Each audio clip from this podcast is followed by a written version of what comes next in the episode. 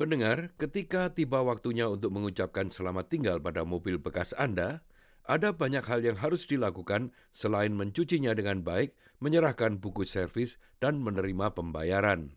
Tergantung di mana Anda tinggal di Australia, persyaratannya berbeda-beda saat menjual kendaraan pribadi. Memahami langkah-langkah dan rekomendasi yang diperlukan selama proses berlangsung, mulai dari mempersiapkan mobil hingga menyelesaikan penjualan, dapat memastikan pengalihan kepemilikan berjalan lancar dan sah. Berikut ini sebuah rangkuman mengenai bagaimana cara menjual mobil Anda di Australia. Meskipun tidak ada otoritas nasional yang mengumpulkan dana penjualan kendaraan bekas, perkiraan menunjukkan bahwa pasar kendaraan bekas kira-kira tiga kali lipat lebih besar dibandingkan dengan pasar kendaraan baru di Australia. Sebagai penjual mobil bekas, Anda memiliki banyak pembeli potensial untuk dibidik. Namun, bagaimana Anda sebenarnya menavigasi proses penjualan mobil Anda itu? Kathy Townsend, Direktur Keterlibatan Regulasi di New South Wales Fair Trading, memberikan wawasan tentang peluang yang tersedia untuk menjual mobil-mobil bekas Anda di Australia. For people wanting to sell their own car, the first decision that they have to make is how they'd like to sell it. So there's a couple of options. They could sell through a dealer, they could sell it through an auction house, or they could sell it directly to someone using one of the various selling platforms, most of which, of course, are on now online.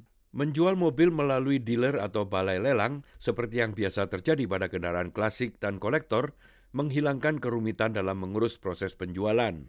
Namun Anda mungkin tidak mendapatkan harga maksimal yang Anda inginkan.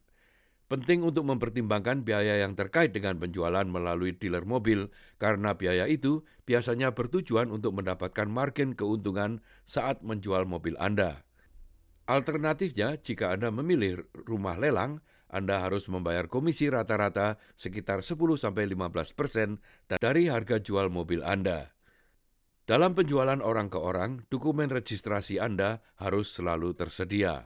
Any buyer is going to want to verify the vehicle against the registration papers, and they may even ask to verify that you are the actual owner. So, ask, for example, your license to verify that. They'll also want to check the vehicle details, so they may want information such as the VIN or chassis numbers, which are available on the registration papers. And this is mainly so that they can do a check to see if there's any money owing on the car through the Personal Property and Securities Register. Pada saat mengiklankan mobil Anda untuk penjualan pribadi, kejujuran tentang kondisi dan keausan kendaraan sangatlah penting.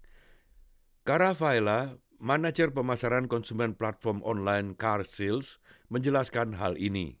It's all around transparency, so being transparent and upfront in conversation and in the comment section of your listing about the car's history and any imperfections that the buyer might like to be made aware of. And this will really help when you do eventually meet with potential buyers in person during inspections and just help avoid any awkward surprises on the day. Menanggapi pertanyaan dari calon pembeli secara tepat waktu juga merupakan kepentingan Anda karena akan meningkatkan peluang Anda untuk penjualan yang cepat dan sukses. Dan melakukan riset sebelum menetapkan harga adalah kuncinya. Penetapan harga yang cocok akan sangat menentukan tingkat minat yang Anda tarik dari para calon pembeli. Berikut ini penjelasan dari Faila lagi.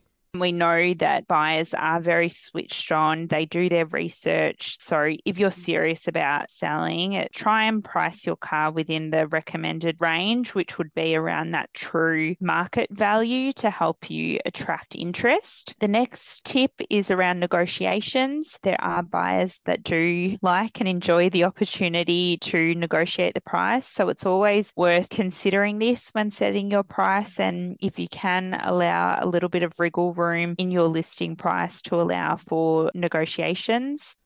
Alex Forrest adalah manajer kendaraan dan bahan bakar di Royal Automobile Club atau RAC di Australia Barat.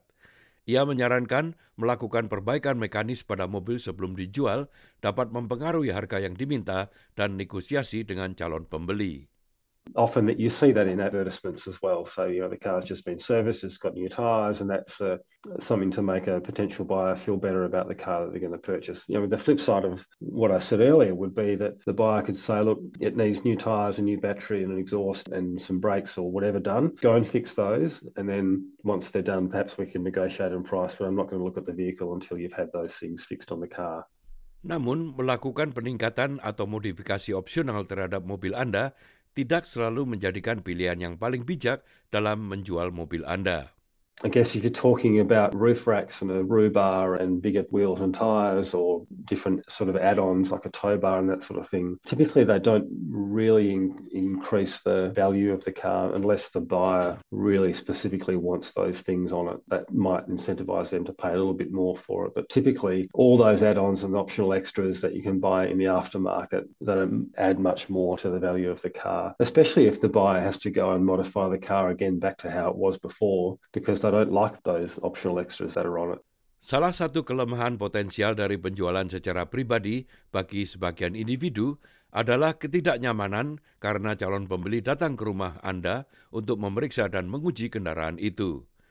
Miss Vaila menyarankan ada cara untuk mengatasi kekhawatiran ini, yaitu dengan menghadirkan anggota keluarga atau teman ketika menjual mobil Anda.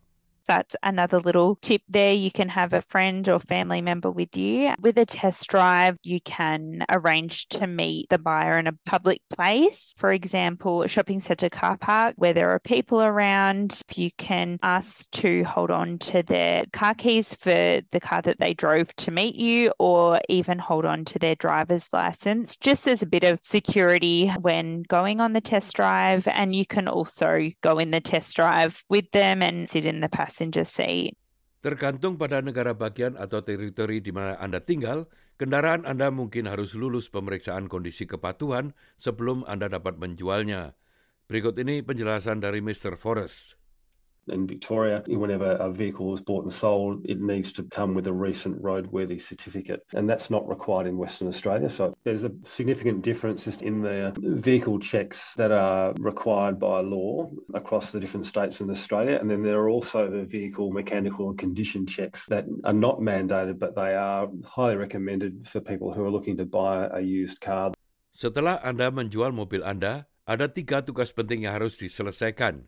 Yaitu menghubungi asuransi dan penyedia bantuan pinggir jalan, memastikan rekening jalan tol Anda ditransfer ke kendaraan Anda berikutnya, dan memberitahu kantor pendaftaran kendaraan bermotor di negara bagian atau teritori Anda. Penting juga untuk diingat bahwa dokumen dan persyaratan untuk mengubah kepemilikan, pemindahan kendaraan, dan pembuangan berbeda-beda di setiap negara bagian. Mrs. Townsend dari New South Wales Fair Trading memberikan wawasan lebih lanjut mengenai proses ini. In New South Wales, that's through Service New South Wales, and you'll need to notify them about the disposal of the car. So, this is important to do as soon as possible after selling because it'll stop you receiving any fines that might be incurred by the new buyer. So, I advise to check with what your local state requirements are. They will change from state to state, but in most cases, you will have to notify whoever is your motor vehicle registering authority. Demikian tadi sebuah rangkuman tentang tips dan cara menjual mobil bekas Anda di Australia yang disusun oleh Soito Maidu untuk SBS dan disampaikan oleh Ricky Kusumo.